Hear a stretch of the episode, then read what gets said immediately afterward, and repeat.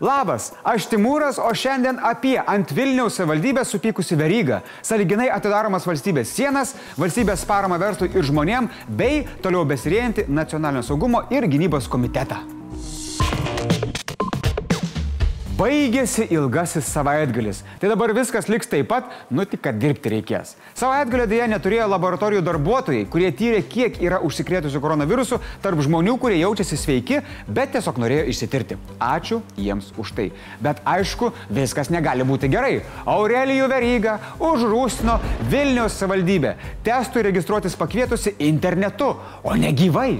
Vilniaus savivaldybės administracijos direktorius atšovė, kad dalinti kodus gyvai yra, nu, neprotinga. Veryga grasina baudomis ir šaukia, tvarka turi būti. Tikiuosi, vyrai išsiaiškins viską taikiai. Be išeiginių dirbo ir koronavirusas. Vilniuje reabilitacijos centre pušino kelias, nuo šeštadienio nustatyti 8 viruso atvejai. Įstaigoje ištirta per 70 žmonių, užsikrėtę pacientai perkelti į atskirą korpusą, o darbuotojai savizoliuojasi namie. Bet tai jaučiat kaip žiauru tik pašvelnina karantiną ir tada tau tik tais bam, dviem savaitėms savizolacijos išrašo. Kol atliekami testai ir tyrimai, vietoj pušino kelio darbuotojų dirbs lasdynų ligoninės medikai. Kaip virusas įsisuko į reabilitacijos centrą, dar nežinia. Teigiama, kad visi nauji atvejai besimptomiai, kas tik dar kartą patvirtina, kad net jei jaučiatės gerai, galit nešioti virusą ir pridaryti žalos kitiems. Naujausius COVID-19 skaičius Lietuvoje matot ekrane, bet džiugiausia yra tai, kad pasveikusių skaičius perkopė 600.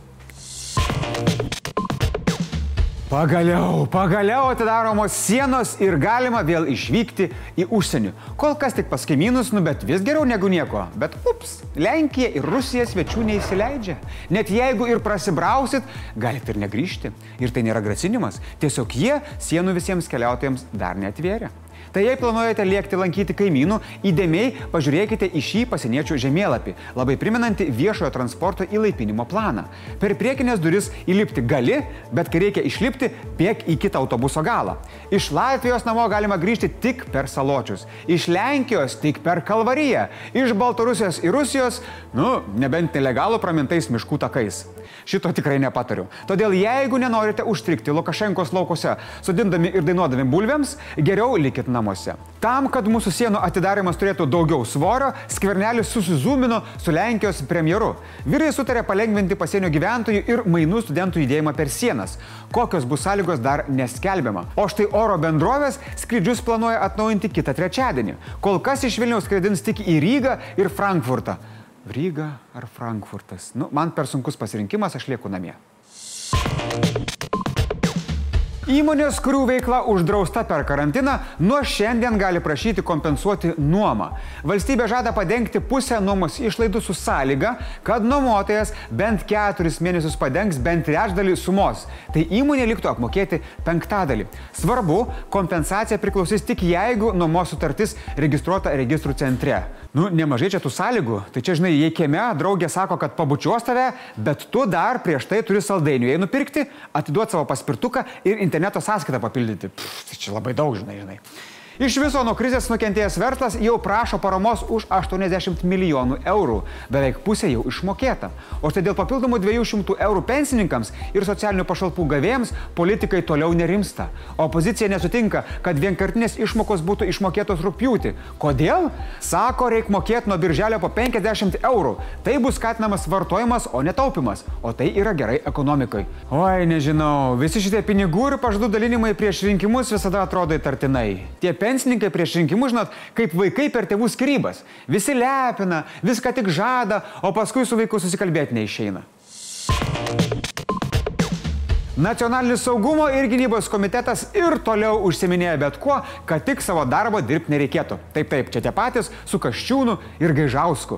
Dabar jau nebe opozicija ruošis nuversti Gaižauską, o Gaižauskas opozicija. Nu, čia žodžiu nesibaigia. Juos Dainius kaltina nutekinus pranešėjo medžiagą, kad valstybės saugumo departamente galbūt neteisėtai rinkti duomenys apie tuometinio kandidato į prezidentus Gitano Nausėdos bei diplomato Vygaudo Ušatsko aplinką. Komiteto pirmininkas sako, kad tam tikriems seimūnams gali grėsti apkalta.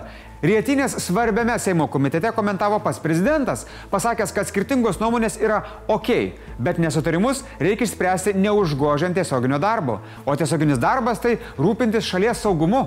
Na, o komiteto opozicija šią situaciją vadina politinė medžioklė ir bandymu susidoroti. Tai jeigu opozicija būtų Danielius, o ne Gabrielius, tikrai būtų galima pajaukauti apie medžioklę. Ačiū. Blitz naujienos. JAV žvalgyba pranešė, kad Kinija slėpė koronaviruso grėsmę, nes norėjo sukaupti kuo daugiau medicinos priemonių atsargų. Pagalvokit apie tai, kai kitą kartą kažką pirksite iš to gerojo AliExpreso.